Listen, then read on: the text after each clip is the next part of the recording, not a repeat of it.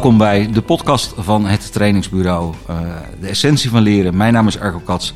En ik zit hier uh, vandaag aan tafel met twee hele bijzondere gasten. Uh, Marusha van der Pols en Bas Bos van Roosentaal.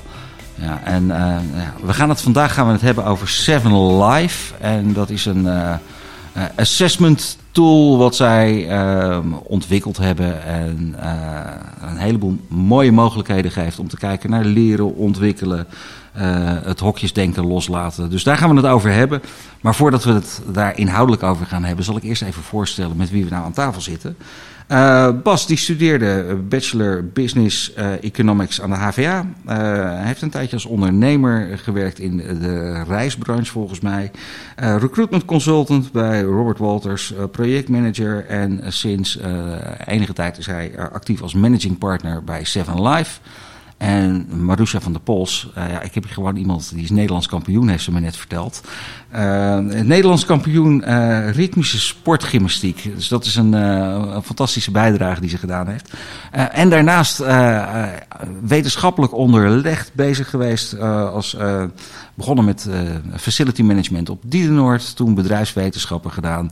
En daarna op het gebied van gedrag promotieonderzoek gedaan.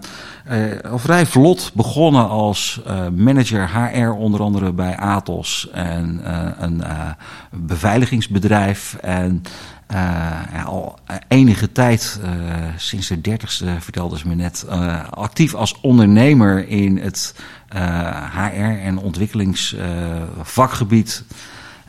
Met de laatste jaren met Seven Life, een tool die ze ontwikkeld heeft. Heb ik jullie zo een klein beetje goed voorgesteld? Absoluut, dank je. Lekker bezig. Ja, ja, dus, ja met, met twee mensen heb je daar toch altijd wat, wat tijd voor nodig. We hebben net al een tijdje voor zitten praten. Uh, en jullie hebben uh, Seven Life uh, ontwikkeld. kan je me even vertellen, wat, wat moet ik me daarbij voorstellen?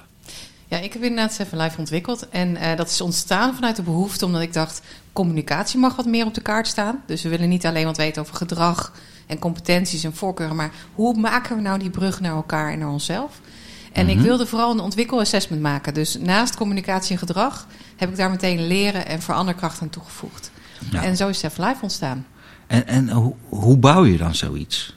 Ja, daar heb ik heel veel voordeel aan gehad. En wat je net noemde, mooie lijsten. Ja. Uh, ook promotieonderzoek zit daartussen. En dan, dan duik je in die wetenschappelijke wereld. En ik wilde eigenlijk iets maken waarvan we konden zeggen... je hoeft me niet te vertrouwen op mijn blauwe ogen...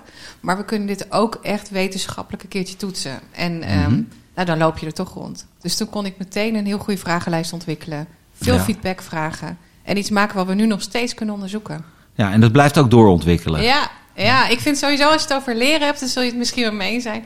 Ja, dat stopt niet. Nee. Je, je, bent constant nieuwsgierig, benieuwd, uh, geïnspireerd, dus dat groeit. En ja, dat mag ook groeien. Ik, ik vind het altijd knap als dan iets afgemaakt kan worden... wat gewoon zeg maar echt een complete tool is. Uh, ja. En uh, dat je op een gegeven moment zegt van... ja, nou, nou, is het gewoon tijd om het ook te kunnen lanceren. Ja, Hey, en, en Bas, jij bent uh, daar uh, enige tijd geleden bij, bij aangesloten. Uh, wat heeft jou daartoe gebracht om te zeggen van nou, dit is de moeite waard om, om daar energie in te gaan steken? Nou, eigenlijk een, twee onderdelen hebben daar echt aan bijgedragen. Ik heb wat stage gelopen bij Insights, Insights Benelux. Ja. En daar ben ik eigenlijk verliefd geworden op alles van learning and development. En ook de cultuur die daar heerst. Maar mm -hmm. ook het ontwikkelen van mensen, dat vond ik fantastisch. Ja. En dat is toen bij een, een stage gebleven. Uh, ik ben toen uiteindelijk toch andere dingen gaan doen. Um, maar toen heb ik een aantal banen gehad. Nou, je noemde ze net al even op in het rijtje. En wat mij elke keer opviel is dat... Ja, ik, ik had mijn, mijn passie, die zat daar gewoon niet. Ik werd niet zo enthousiast van, de, uh, van het bedrijf als de ondernemers... Mm -hmm. van wie het bedrijf waren. Want ik koos wel bewust voor ondernemers over het algemeen. Ja. Omdat daar natuurlijk wel ook al een bepaalde energie en een passie zat. Daar werd je enthousiast van. Mm -hmm. En toen bij de laatste uh, werkgever waar ik zat... daar heb ik Marusha leren kennen. Ja. En daar heb ik na 2,5 jaar ook geconcludeerd... ja, het is fantastisch, maar ik mis mijn eigen passie. Ja. En omdat ik het elke keer wel bij die ondernemers zag... dacht ik, nou, dan ga ik gewoon weer opnieuw ondernemen. Want ik had het in mijn studententijd ook al een keertje gedaan. Ja. Uh, en zo met Marusha in gesprek gekomen. En zo is het balletje eigenlijk gaan rollen. En uh, nou ja, dus de combinatie van het ontwikkelen van mensen en het ondernemerschap... was eigenlijk uh, nou, een gouden combinatie voor mij. Nou, wat mooi. En um, uh, Marusha, jij hebt, je hebt uh, in een HR-rol rondgelopen, uh, onder andere bij Atos. Kan je daar iets over vertellen wat, wat je daar, waar je daar tegenaan liep? Nou, dat was wel heel boeiend hoor, want ik ben begonnen bij Origin, nog uh, Ernst ja. Winsen voor de, voor de kenners. Ja. Um, en uh, toen kwam het verhaal met de overname met Atos. Een Frans bedrijf, een Nederlands bedrijf, uh, Origin. Wat ook uit twee smaakjes bestond. Hè. Philips aan de ene kant, Eckert Wins, een flamboyante man aan de andere kant. Al die cultuurverschillen. Ja. En um, ik liep daar rond als, als, als jonge vrouw. Viel ook op. Op de gemiddelde borrel kwam ik binnenlopen met mijn rode jurkje. Stond iedereen daar in blauw pak. Ja. Um, en werd ik al gauw gevraagd om mee te gaan denken over de verloningsronde, onderhandeling met ondernemersraden. Nou, een beetje verliefd geworden op dat HR-vak, maar steeds de link gehouden met bedrijfskunde. Dus hoe zit het dan met de overleg met die manager? Hoe kunnen we het dan implementeren? Hoe kunnen we niet alleen zeggen, we gaan je ontwikkelen, we gaan naar je kijken, maar ja, hoe past het bij het competentiedenken? En dat kwam toen net op. Dus mm -hmm. uh, het competentiegedachtegoed. Ik heb het eerste systeem mogen ontwikkelen in Nederland, competentiegericht denken. Ja, en dan blijf je verliefd. Dan ja. blijf je erbij betrokken. Het, het, competentiedenken is inderdaad, uh, in, ja, inmiddels is dat al, ik kan wel bijna weer zeggen, is het alweer achterhaald. Hè? Ja, ja, daarna kwam je natuurlijk de kennis, uh, kennismanagement. En, maar ja. je ziet het nog veel terugkomen. En wat ik goed vind aan competentiedenken, is dat je heel erg gaat kijken naar waar willen we als bedrijf heel goed in zijn. En hoe kunnen we dan kijken waar jij goed in bent en dat eigenlijk op lijn krijgen. Dus hoe kunnen we samen meer worden? En dat nou, vind ik gaat, mooie competentie. Je gaat dan inderdaad heel erg kijken naar uh, wat, wat doen we. Ja. En uh, met welke resultaten uh, leveren we welke prestaties. En dat is een, ja, het, het, terugbrengen naar, maar wat doe je dan precies? Ja, klopt. En daarbij miste ik wel vaak, uh, want dat deed, doe je als HR-manager, ben je een soort van, daar haal je allerlei tools erbij en allemaal systemen, die zijn allemaal waardevol. Maar ik vond het lastig, ook als manager toen al, om het te laten beklijven. Dus dan had ik ja. een heel mooie training gehad. Iedereen was uh, enthousiast over Belbin of Disk of al die andere mooie dingen. Prachtige uh, modellen. Prachtige modellen, hebben allemaal waarde. Maar hoe zorg je dan dat het een plek krijgt in je werk? Hoe ga je het implementeren bij je, bij je verloningsronde of bij je beoordelingsgesprekken of bij mm -hmm. de keuzes van mensen? Ja, en dat, dat blijft nog steeds een uitdaging. En wat, wat zijn dan stukken uh, volgens jou waar, waarmee je uh, ja, dat beklijven eigenlijk nog beter voor elkaar krijgt? Aan de ene kant is het ook een mindset. Hè? Dus, dus mm -hmm. het is ook een gedachtegoed dat je denkt... het is waardevol om wat te, wat te weten over hoe mensen in elkaar zitten. Dat is ook eigenlijk ons bedrijfskapitaal. Ja. Dus wij mogen weten hoe mensen in elkaar zitten, daar houden we rekening mee. En daarnaast vind ik het wel eens jammer dat er stromen langs elkaar lopen. Dan hebben we trainers die doen dan iets. We hebben HR-mensen die doen iets. En we hebben regelaars en die doen iets. En als we dan nou met elkaar kijken van... we hebben iets geleerd in een training. Waarom passen we dat niet toe in een feedbackgesprek of in een ontwikkelgesprek? Of waarom mm -hmm. komt het niet in je dossier? In plaats van ergens in een mapje, in een laadje. Ja, die, die integrale gedachte ja. van, van je, je gaat ergens mee beginnen, je gaat gezamenlijk ga je zo'n ja. reis aan. Ja, en ook hoe belangrijk is die mens? En ja. hoe mogen we die ook eens een keer centraal stellen zonder dat we daar een soort uh, pappen- en nathouden cultuurtje, maar gewoon hoe meer, hoe gelukkiger mensen zijn, dat is geen wazig verhaal. Dat is een bedrijfskundig verhaal.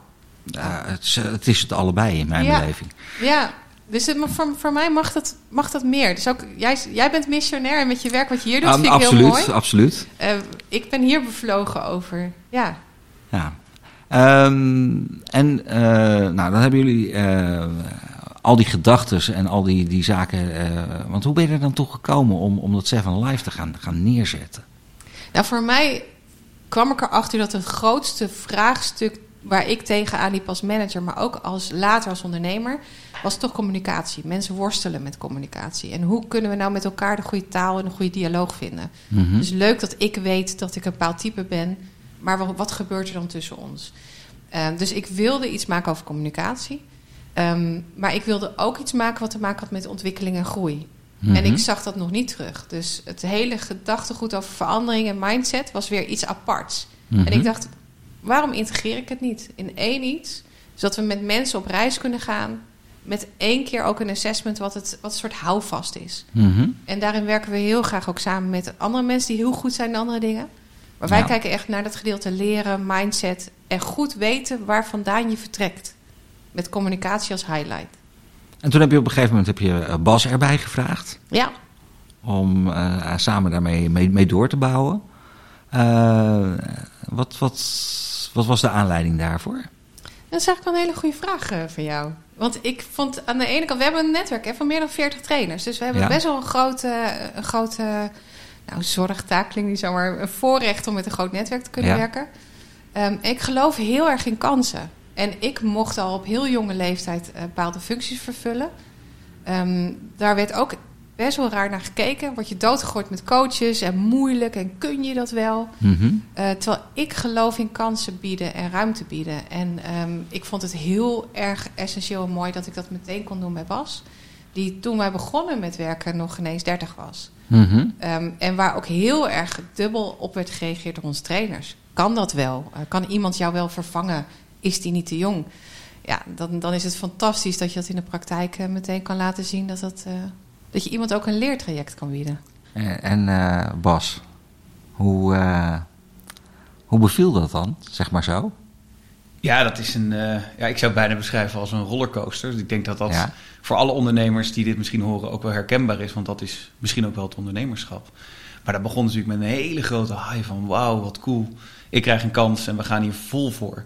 Nou, vervolgens tegen heel veel obstakels en heel veel moeilijkheden aanlopen. En inderdaad dan af en toe toch stiekem denken, als je dan in je eentje ergens zit, kan ik dit wel? Mhm. Eh, om dan vervolgens inderdaad de focus eigenlijk elke keer weer te gaan eh, leggen op leren. Ja. Want ik geloof dat je alles kan. En eh, als je maar weet hoe. En als je maar weet wat de weg daar naartoe is voor jou. Of die nou lang of kort is. Of dat je links of rechtsaf moet. Dat is voor iedereen anders. Ehm, Maar als ondernemer, dan moet je een heleboel dingen gaan doen. Eh, maar dan weet je helemaal de weg niet ernaartoe. Toch? nee, dat klopt. Maar ik heb de luxe natuurlijk dat ik het niet in mijn eentje hoef te doen. Ja. Eh, ik heb eh, heel veel hulp, advies en begeleiding gekregen van mensen om me heen. En in het bijzonder natuurlijk Marusha daarin. Ja. Ehm, we hebben daarnaast een derde partner, Jo Kril. ja. Dat is ook heel fijn om aan boord te hebben. Want dat is ook eh, iemand met heel Die veel heeft zijn sporen verdiend bij Insights. Absoluut. Ja. En die heeft daar natuurlijk ook heel veel kennis en ervaring over de markt, over trainen, over learning en development, coaching, gaan ze door. Ja. Dus ik heb gewoon wat dat betreft ook de luxe gehad dat ik eh, learning from giants, eh zegt ze het volgens mij in het Engels. Mhm. En dat, eh, dat heeft mij absoluut een van de essentiële voorwaarden geweest voor mij om, om nu te zitten waar ik nu zit. En wat, wat is nou het, het, hetgene wat jij vooral doet in je huidige rol? Dat is een goede vraag. Ik ben eh, directeur op dit moment van Seven Life. Dus we hebben een, ehm, een tijd gehad waarin we heel veel samen hebben ondernomen. En nu zijn we juist in een periode in het bedrijf waarin we aan het kijken zijn van waar liggen nou onze interesses, passies en kracht. Ja. Waardoor ik dus nu eigenlijk sinds dit jaar het volledig operationele stuk zelf doe. Dus dat betekent eh, nou, de standaard stukken als finance en dergelijke, die zal niemand onbekend zijn. Maar daarnaast focus ik me op sales en marketing. En Mhm. focus ik me ook heel sterk op relatiebeheer in ons netwerk. Wij geloven er namelijk in dat onze trainers en onze coaches, iedereen die bij ons aangesloten zijn, is eigenlijk het grootste kapitaal en het grootste voorrecht wat we hebben. Mhm. Sterker nog, eh, wij bieden onze assessments vaak redelijk als profiel redelijk generiek aan, omdat we erin geloven dat een, de mens het verschil mag maken. En in ons geval onze trainers en coaches het verschil maken. Dus daar zit een van mijn grootste rollen ook om met hen eh, te versterken, met hen na te denken over hoe kunnen we dingen anders doen of waar, wat zij maar nodig hebben, probeer ik daarin te versterken. En die, die trainers die zijn aangesloten bij jullie, eh, die hebben een accreditatie gedaan? Of eh, hoe moet ik dat zien? Net als bij Insights en bij Mapstel en, en dat soort eh, modellen? Ja, maar we gaan daarin wel verder. Ja? En eh, daar had ik toevallig gisteren nog over met onze andere partner, Jo Kril. Hij zei, Marusha, wat jullie aan het doen zijn is wel heel bijzonder. Wat wij aan het doen zijn is wel heel bijzonder. Ja. Wij willen echt een zuivere netwerkorganisatie neerzetten... waarin heel veel zorg is. Maar waar ook je een gezamenlijke verhaal hebt, een cultuur hebt. Dus het stopt niet bij... Je haalt een accreditatie, je kunt een keer een, eh, een scan of een assessment eh, inzetten. Als iemand bijvoorbeeld een heel goed idee heeft... Mhm. wat hij wil ontwikkelen in de markt... dan faciliteren wij dat, ondersteunen we dat. Als ehm, iemand zegt, ik, ik ben ook ondernemer als trainer... hoe doe ik dat eigenlijk? Mhm. Nou, dan, dan is daar ook ondersteuning voor en training voor. Eh, we gaan niet alleen gezamenlijk naar klanten toe. We zorgen er ook voor dat onze trainers echt een beetje in het plusje zitten. En dat is iets wat, eh, wat Bas goed zegt. Dat is een voorrecht. Mhm. Ja. Hey, en en eh, de, de, de tool, hoe wordt die ingezet? Want vertel daar eens wat meer over. Wat, hoe ziet het eruit? Seven Life als tool, ja, je hebt hem ook mogen doen. Hè? Het is Ja. een online assessment. Eh, je vult heel veel vragenlijsten in. Want we moeten alles in één keer kunnen meten. Want anders kunnen we Ja. er geen onderzoek naar doen. Ehm, en vervolgens wordt het ingezet op allerlei gebieden. Dus uh, voor, voor trainingssessies, mensen die echt wat over communicatiekrachten willen weten. Uh, maar ook in coaching. Als mensen zeggen, Mhm. prima dat ik weet hoe ik uh, nu bepaalde dingen doe, maar kun je me verder helpen? Uh, en daarnaast is het een basis om verder te ontwikkelen. Dus wij kijken ook naar toepassing van wat we meten. Bijvoorbeeld, we hebben onze eigen talent scan. Dus waarin we echt gaan kijken, wat doet context met je ontwikkeling? Wat doet mindset ermee? Hoe doen we onboarding? Waar ben je goed in? Waar loop je tegenaan? En heel belangrijk, alles is gebaseerd op keuzes. Mhm. Dus ons assessment mag jouw keuzes versterken op de momenten die ertoe doen. Nou, die momenten die ertoe doen, daar wordt het assessment heel specifiek voor ingezet. Bijvoorbeeld bij de politie. Ja. Als uh, mensen heftige dingen meemaken, wil de politie meer en meer uh, ondersteuning bieden om eigenlijk het gedrag van stress en alarm te voorkomen. En daarin is Seven Life nu een heel belangrijke tool. En daar zijn we heel trots op. Hoe, hoe gaat dat dan in zijn werk? Nou, naast uh, de inzicht en de meting die er zijn, kunnen we ook kijken naar wat gebeurt er met jou als je niet gezien, niet gehoord wordt en dingen meemaakt die jou eigenlijk uithollen, waar je geen Mhm. energie van krijgt. En dan krijg je voorspelbaar alarmgedrag. En dat alarmgedrag kun je gaan herkennen, erkennen en voorkomen. En dat Mhm. doen we samen met de politie op dit moment.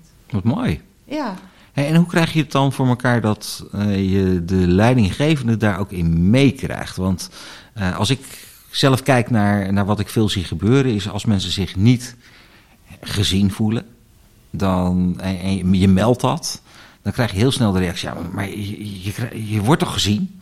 ja. Eh, en eh, dit is er en dat is er en dat, eh, we doen alles. Hoe, hoe krijg je de manager, de begeleider in die staat dat hij erkent dat de ander zich niet gezien voelt? Want dat is een ander iets natuurlijk dan niet gezien zijn. Ja, dat is, het, dat is een goede vraag. En dat is ook eigenlijk het leuke waarom wij werken met communicatie. Want dan heb je uitspraken, je hebt gedrag, je hebt herkenbaarheid. Ja? Eh, en waar bij de politie bijvoorbeeld echt eh, herkenning kwam, was een van onze trainers. Die is daar integraal onderdeel van. Dus die komt met praktijkcases. Mhm. En die kan ook zeggen: kijk, hier en hier wordt aangegeven dat, dat bijvoorbeeld iemand eh, het zwaar heeft. Of zich depressief voelt. Of, en dat zien we terug in dit alarmgedrag. Dus je kunt zo goed praktijk en de realiteit koppelen aan wat je meet met je assessment. Mhm. En eh, dat is ook waar we steeds weer naar kijken. Hoe praktisch is het wat we bieden? Een assessment is zo'n mooi praktisch tool. Uh, Mhm. En op dat niveau praten we ook met onze klanten. En dan wordt het echt, want ze herkennen hun praktijk. En tegelijkertijd ga je dan samen kijken naar oplossingen die voor hen werken. Niet voor iedereen, Mhm. maar voor hen. Maar je ziet het ook echt als een, als een ontwikkelingstool in het, Ja. in het geheel. En niet als een beoordelingssysteem. Nee, het is beoordelen. Beoordelen is iets wat, wat binnen context gebeurt. Ja? Dus ik denk niet dat je een generieke vragenlijst kunt maken over iets wat, wat nu gebeurt. Kijk, ik heb nu ook een oordeel over jou en jij over mij. Ja. En daar ben je samen over in gesprek en samen over bezig. En daarvoor mag je samen ook taal hebben en handvatten en, en, en een soort referentiekader. En dat is assessment. Mhm. Maar beoordelen gebeurt eh, in het moment eh, samen gekoppeld aan de praktijk. Ja. En eh, eh, nog eventjes kijken naar Bas. Als, als je nou met die tool bezig bent, want je hebt mij ook toelichting gegeven toen, toen ik de test ingemaakt of de, de assessment. Hoe noemen jullie het trouwens? Noemen jullie het een test? Noem je het een vragenlijst? Noem je het Eh, het is in essentie een assessment, maar we noemen het de Seven Life Scan. de Seven Life Scan? Ja. En waar staat Seven Life voor? Eh, Seven Life eh, gaat over de zeven stijlen eigenlijk binnen, binnen het model wat wij hebben. Ja. Wij zeggen eigenlijk, als je het hebt over beweging, hè, mensen in beweging, zijn er drie redenen waarom mensen, of drie eigenlijk motivaties om in beweging te komen. Ja. Je voelt iets en dus kom je in beweging. Je de- denkt ergens over na of hebt ergens over nagedacht en je komt in beweging. Of je wil iets en je komt in beweging. En zitten daar grote verschillen in dan? Dat de een eh, zich vooral door ik voel iets en dan in beweging komt... en de ander vooral door ik wil iets. En, eh, hoe, zit, hoe zit dat verschil in elkaar? Ja, er zit natuurlijk een wezenlijk verschil maar dat hangt ook weer vanaf. We hebben zeven stijlen. En dat komt omdat als je deze drie startpunten van vertrek zou nemen... eh, en je zoekt daarin alle combinaties, dan komen er zeven stijlen uit. Dus je Mhm. hebt stijlen die zijn uitgesproken willen, denken of voelen, maar je hebt ook mengstijlen. Maar er Mhm. zit een heel groot verschil in tussen de uitgesprokenheid, als we eventjes de uiterste stijlen pakken, die vanuit één in beweging komen, dus of denken of willen bijvoorbeeld. Ja. Ja, als je iets wil. Ja, wanneer wil je iets? Het liefst gisteren. Daar zit je helemaal niet te wachten over, eh, over 20, 20 jaar, wat dan ook. Dus het is een actie, je bent meer avontuurlijk, je wil beweging, je wil snelheid daar ook in. Mhm. Als je vanuit het denken in beweging komt, dan heb je juist veel meer de behoefte van, nou, voordat ik iets ga doen, wil ik eerst even rustig terug kunnen trekken. Even alle scenario's uit kunnen denken. Het cirkeltje ronddenken horen we ook vaak. Mhm. Eh, dus dan heb je juist weer heel veel meer behoefte aan rust en harmonie. Om Mhm. even rustig je gedachten op orde te brengen. Nou, alleen daarin zit al zo'n wezenlijk verschil in hoe je mensen kan motiveren in beweging kan krijgen. Maar ook voor jezelf om inzicht te krijgen van wat heb ik eigenlijk nodig om optimaal te leren, te ontwikkelen of mee in verandering te gaan. En eh, zijn er dan ook mensen die eigenlijk zeg maar niet per se iets willen? Eh, we willen denk ik uit allemaal iets. Eh, Ja. Dus het woord willen kan daarin soms wat verwarrend werken. Maar willen gaat over wilskracht. Dus als je het hebt over in beweging komen, dan hebben we het vanuit het willen. Gaat het echt over wilskracht. Mhm. Dan moet ik altijd denken aan een van onze partners en trainer. Eh, Anja heette zij en zij heeft me ooit een keer verteld... Bas, leuk dat we gaan samenwerken. Maar als ik iets wil, dan loop ik door de muur. Nou, die opmerking ben ik niet snel weer vergeten. Want het gaat natuurlijk over ontzettende wilskracht... en het ontzettende daadkracht daarin ook. Mhm. Dus het willen van iets is denk ik universeel. Maar vanuit het willen vertrekken in ons model... gaat het echt over wilskracht en daadkracht. Ah ja. En dat is dan je eerste vertrekpunt ook, hè? Ja. Ja. Want dat is ook... Mensen voelen altijd iets. Je denkt altijd iets en je wilt altijd iets. Maar we kijken naar wat, wat brengt jou in beweging? Wat, wat start jou? Mhm. En daarbij willen we ook altijd weten van... wat zijn dan je verwachtingen erbij van de ander? Want we, je zit soms zo vanuit je eigen kader naar een ander te kijken. Mhm. En dan denk je, die ander heeft wel door waar ik behoefte aan heb... of wat ik van jou verwacht. En alleen al door dat expliciet te maken, door met elkaar over te hebben... ik verwacht dus van jouw actie en niet een heel lang verhaal over je gevoel... Mhm. Dat maakt al zoveel meer open en zoveel meer dat je uit het oordeel kan stappen over elkaar. Ja. Ja, je ziet ook wel, eh tenminste dat merk ik altijd, dat, dat je eh, als ik met mensen aan het werk ben, eh, zie ik altijd mensen die redeneren vooral vanuit zichzelf. Ik.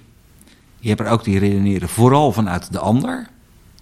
En de magie zit hem over het algemeen in het, het, het wij-denken. Ja, Het denken vanuit de gemeenschappelijkheid. Eh, ook als ik Kofi erbij pak, eh, die zegt van nou, in eerste instantie ga je van afhankelijk naar onafhankelijk en dan ga je voor de wederzijdse afhankelijkheid. Ehm, merk je dat je daar ook eh, zeg maar handige handvatten in geeft dan door dat inzicht mee te nemen? of dat je vanuit voelen of vanuit willen start bijvoorbeeld? nee, eigenlijk omdat je over communicatie hebt, heb je het altijd over wij. Want ik ben niet eh, hier eh, naar buiten aan het schreeuwen. De, de communicatie is dat ik wil iets van mijzelf delen met jou. En ik wil Mhm. kijken of we samen dan een boodschap hebben of samen iets. Dus communicatie is al zo'n mooi wij-onderwerp. Mhm. Ehm, en dat is ook hoe je, je je model of hoe je je materiaal kan maken. Dus wij letten er heel erg op dat het niet alleen gaat over... zo zit ik nu eenmaal in elkaar, dus pech eh, heb jij. ja. Maar meer vanuit een begrip voor jezelf, dan snap je dat. Maar waar, de, waar, het, waar het leuk wordt en waar het boeiend wordt... is dat ik met jou in connectie ben. En Ja. hoe maak je die brug? Ja, dus je bent eh, heel mooi Kofi-achtig inderdaad... meteen aan het kijken naar dat wij. En daar hou ik ook van in een model. Dus op Ja. het moment dat ik in de organisatie loop en zeg... nou, we zijn nu eenmaal blauw, dus het is nu eenmaal niet anders... dan denk ik, nou, we hebben hier nog wel een beetje werk te doen. ja. Ja, En nou, nou, daar zijn jullie bij. eh, p- politie is een van de, van de organisaties die, eh, die gebruik maakt van jullie eh, eh, assessment. Ehm, maar ik, ik neem aan dat jullie ook wel de nodige ambities hebben. Ja, van Eh 40, 40 trainers nu aangesloten. Ja. Ja. En, en hoe, hoe, bouw, hoe bouw je dat uit? dat is mooi. hè, Want het is zoveel laagjes. Het gaat niet alleen over trainers of over bedrijven. Wij Ja. kijken ook heel erg naar toepassing. We Ja. houden ons ontzettend van de praktijk. Mhm. Ehm, en eh, dit jaar hebben we al drie verschillende samenwerkingen gelanceerd. Eentje op het gebied van leren en onderwijs. Eentje op het gebied van eh, leiderschap. En de andere op het gebied van vrouwen en ontwikkeling en gelijk eh, diversiteit daarin.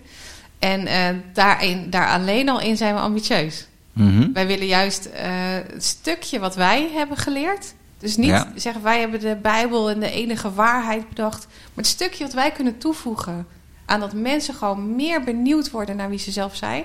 Dat willen we op allerlei manieren kunnen vertellen. Mhm. Dus dat kan ook door dat trainers het meer kunnen gaan gebruiken. Maar het kan ook door de toepasbaarheid groter te maken. Nou, stel nou, je, je wil het als trainer, wil je dat meer gebruiken. Uh, wat- hoe, eh, hoe, hoe moet je dan die, die stappen gaan zetten? Het begint natuurlijk allemaal met een, eh, met een kennismaking. Om eens gewoon Ja. het product te leren kennen. Nou, ze hebben wij het ook al een keer eh, besproken natuurlijk. Hè. Dan krijg je gewoon eens een terugkoppeling. Ga je zien, wat doet het eigenlijk? Ja. Wat kan het eigenlijk? En wat Maroes ook al benadrukt, het gaat over toepasbaarheid. Past dit bij wat ik wil gaan doen? Mhm. Nou, als daar een mooie aansluiting zit, dan hebben wij een, eh, een vierdaagse accreditatie hebben ingericht. Ja. Die je daar vanuit kan volgen. Eh, wij geloven in blended learning. Dus we doen zowel online als eh, live bij elkaar komen. Mhm. Want we merken gewoon dat beide hebben hun voor- en hun nadelen. Dus why not both? Eh, en van na die vier dagen, met iedere dag een ander thema, waaronder dus ook leren en veranderen, bijvoorbeeld allebei een hele dag, Ja. eh, word je bij ons trainer en onderdeel van ons Seven Life netwerk. Mhm. En dan betekent het feitelijk dat je daarmee vrij bent om onze tool te gebruiken. Dat je daarin van ook al- begeleiding, ondersteuning, wat er maar nodig is, eh, wij met je meedenken. Eh, en vanuit daar ook de mogelijkheden nog om je te specialiseren. We hadden het al over de toepasbaarheid. Hè. We hebben verschillende producten, omdat we niet geloven dat one tool fits all. Mhm. Eh, dus als je zegt van nou, ik ben nu basistrainer bij Seven Life, ik heb de accreditatie afgerond. Maar ik wil eigenlijk niks liever dan mensen eh, in hun eh, loopbaan begeleiden of in hun ontwikkeling begeleiden. Nou, dan kan je bij ons de training eh, Talentscan kan je dan volgen. Of als je juist op leiderschap wil focussen en, of juist op kinderen en onderwijs, nou, dan zijn daar ook specialisaties weer voor. Mhm. Met ook ieder nieuwe kennis, maar ook een nieuw product.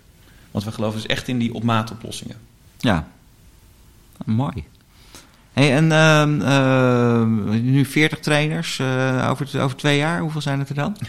Moet ik naar Bas kijken, hè? Die is nu de baas. Ja, nee, daarom. eh, hele goede vraag. De doelstelling is om eh, ieder jaar te verdubbelen. Dat is eigenlijk onze doelstelling. En eh, dat zou dus nu automatisch betekenen dat we op 160 trainers zitten. Ja, en ook, ook, nog, ook nog internationale ambities? Er is al genoeg interesse vanuit het buitenland. We hebben al gesprekken Ja. gehad in verschillende landen binnen en buiten Europa. Eh, voor nu focussen we ons even echt op Nederland mooi op de kaart te zetten. En zorgen dat wij daarin ehm, nou, voor ons alles eigenlijk stabiel en goed eh, georganiseerd hebben. Maar we zijn ook zeker naar het kijken naar het buitenland, ja. Ja. We zijn ook al concreet in Engeland bijvoorbeeld aan het kijken. Nu we hebben de eh, vertalingen al rond doorgevoerd. En dus ook al feedback aan het verzamelen in de UK om te kijken hoe wordt het ontvangen en waar kunnen we, Ja. Zoals altijd, blijven verbeteren. Ja, want dat is ook nog wel een, eh, als je het hebt over communicatie, is dat ook nog wel een hele mooie eh, slag, hè? Om, om, om dingen te vertalen. Dat, eh, Dat is een heel leuk proces. Dat hebben we achter de rug. Ja. En Ja. omdat het een communicatietool ook is, was dat zo leuk om met native speakers te kunnen praten. Ja. Maar ook kijken hoe nemen we cultuur mee. En een van de voorbeelden is dat we in de UK-scan veel meer de link hebben gelegd met werken, competenties en ontwikkeling. Ja. Omdat in de UK daar de focus op ligt. Dus als je daar een assessment doet, doe je dat niet alleen omdat je denkt hoe zitten mensen in elkaar, maar ook in hoe begeleiden we hen in werk. ja. Dus in de standaard eh, tool die we aanbieden zit al een link Oh, met leuk. competenties en werk. En in Nederland hebben we dat niet. ja? Dus dat is super leuk om daar al verschil in te zien. Ja, mooi, mooi om dat soort, soort cultuurverschillen dan ook eh, Ja, tegen te komen. Want, eh, daar groei je zelf ook altijd weer, eh, weer, weer een mooi stuk van. Ik vind het ook wel leuk, want wij werken ook vrij regelmatig met, met Mapstel. En die zijn nu ook met die internationale uitrol bezig. Ja, het is zo boeiend om te zien. Eh, als je dan ineens mensen vanuit Hongkong met, eh, eh, met die kaart op, de- op de foto's ziet komen. ja, het is leuk. Dat, dat, zeg maar ja, die, die internationale community, eigenlijk gaat het ook steeds meer naar elkaar toe komen. Hè? De wereld wordt eigenlijk kleiner. hij wordt en kleiner en hij wordt groter. En Ja. het, het is heel belangrijk om daar ook je eigen koers in, in te blijven kiezen. Eh, want het kan me ook voorstellen dat, dat eh, ja, als je zo'n tool gebruikt, dat het vaak binnen een organisatie, eh, dat daar ar- argumenten zijn om te zeggen van nou, we gaan voor deze tool of we gaan voor een andere tool. Ehm, eh, wat, wat, wat zijn bij jullie de argumenten waarom organisaties bij jullie aan voor jullie tool kiezen? En vooral de link met leren en veranderkracht. Het grappige is dat er veel meer aandacht komt tegenwoordig voor veranderkracht Ja. en voor mindset. Eh, we zijn natuurlijk door een heftige tijd heen gegaan met corona, covid. Dat hebben we net ook zeggen, ja. gehad. Eh, mensen zijn zich zo bewust geworden over dat veranderingen echt aan je lijf gevoeld kunnen worden. Ja. Eh, wij hebben dat vanaf het begin al integraal onderdeel laten zijn van onze basisassessment. Dus dat Mhm. was eh, zo mooi dat organisaties juist daarvoor komen. De andere reden is dat organisaties het boeiend vinden van niet alleen de, de fun kant, hè, zou ik het bijna plat willen zeggen van... oh leuk, jij zit zo in elkaar en ik anders en laten we daar het eens over hebben. Maar ook over wat gebeurt als ik me niet goed voel. Dus denk aan verzuim, voorkomen van verzuim. Mhm. Nou, daar is ons tool heel erg eh, voor in vraag. Ehm, en daarnaast de link met talenten. En soms zijn dat verschillende wereldjes. Dan heb je een training gehad en dan moet je daarna in een HR-traject eh, Mhm. of in een gesprekkencyclus. En door een talentscan te gebruiken, wordt dat, is dat een heel klein stapje en kunnen organisaties daar ook praktisch meteen mee aan de slag. Nou, Dan krijg je meer, meer inzicht in, in welke eh, talenten horen bij je communicatiestijl. Of eh, hoe, hoe, moet ik, dat- hoe moet ik dat zien? Nou, we meten natuurlijk niet alleen communicatiestijl, Ja. maar ook gedrag en ook voorkeur. En eh, waar wij naar kijken is vooral context, onboarding, voorwaarden om iemand goed in het team te laten integreren. Want je ziet vaak wel, als ex-HR-manager weet ik ook, je ziet of iemand iets kan of niet kan. Of dat je het kunt leren of niet kunt leren. Mhm. Maar hoe iemand in een team zijn plek kan vinden, hoe je verwachtingen managt, hoe je zorgt dat hij in een eigen uniek leertraject komt, Mhm. dat zijn de ingewikkelde dingen. Daar liggen de succesfactoren. En dat is eigenlijk waar zo'n talentscan over gaat. Mooi. Ja, Hey, eh, nou hebben wij eigenlijk normaal dat ongeveer de podcast zo'n eh, 30 minuten eh, duurt. En we zijn nu 30 minuten onderweg. Gaat snel, hè? ja. Heel hard. leuk. Ja, eh, ik- dus eh, we, gaan, we gaan hem zo afsluiten. Hebben jullie nog een, een, een, een uitsmijter? Heb jij nog iets als uitsmijter, eh, Bas? Zo, dat is een goede vraag. Ehm, nou, wat ik eh, interessant vind, waar we natuurlijk heel veel over gehad hebben, is, de is de toepasbaarheid. Ja? Eh, en we hebben natuurlijk ook veel gehad over organisaties, organisaties en leren. En hoe krijg je nou eh, dat succesvol van de grond? Ehm, wat mij opvalt als je ook met bedrijven spreekt vaak, is dat assessment over één kan worden geschoven. Mhm. En dat vind ik eigenlijk altijd heel erg zonde. Dus je hoort vaak, ja, als het maar kleurtjes heeft, dan zijn we eigenlijk al tevreden. Ja. Ehm, en dat vind ik eigenlijk heel zonde. Dus als er een uitsmijter zou zijn, dan zou ik vooral mensen willen uitnodigen om eens na te denken: wat wil je nou uiteindelijk echt bereiken met een assessment en wat zou daar mooi bij passen? Dus niet standaard: dit is populair of dit is leuk en dat gaan we doen. Maar gewoon Mhm. eens echt nadenken over wat is nou je doel of je het resultaat dat je wil behalen. En vanuit daar dan ook eens nadenken over de logische stappen die daaruit volgen. Ja, En de tools die daarvoor nodig zijn. wel mooi. Want eh, inderdaad, wat, wat ik ook merk is dat heel vaak zeg maar, er gewoon gekozen wordt van nou, we gaan met iets aan de, aan, aan de slag. Maar om echt eens even naast elkaar neer te leggen van welke tools kan ik nou gaan inzetten. En daar een bewuste keuze in te maken. Dat zorgt ook dat je het makkelijker eh, geïntegreerd krijgt in je totale pakket. En daarmee wordt de waarde groter. Ja, precies. Heb jij ook nog een, eh, laatste uitsmijter? Ja, heel eh? anders dan Bas. Want ik zat natuurlijk netjes te luisteren naar hem. En ik reed hier naartoe. Toen reed ik over de Einsteinlaan. ja? En eh, ik moest even aan Einstein denken. Ik dacht, als je het hebt over leren en over ontwikkelen... dan is het niet van, van A naar B naar C, maar verbeeldingskracht. En wij, wij passen dat niet altijd toe op onszelf. Dus ik zou iedereen willen uitnodigen en willen, willen, willen inspireren... om te zeggen, kijk eens met verbeeldingskracht naar jezelf. Ga eens uit van wat je kunt, wat je leuk vindt. Maar spiegel niet altijd jezelf aan anderen. Probeer, die, probeer eens uniek en vanuit openheid naar jezelf te kijken. En kijk dan wat er allemaal nog mogelijk is voor jou. En ga dan lekker genieten van leren. Nou, ik vind dat een hele mooie afsluiter.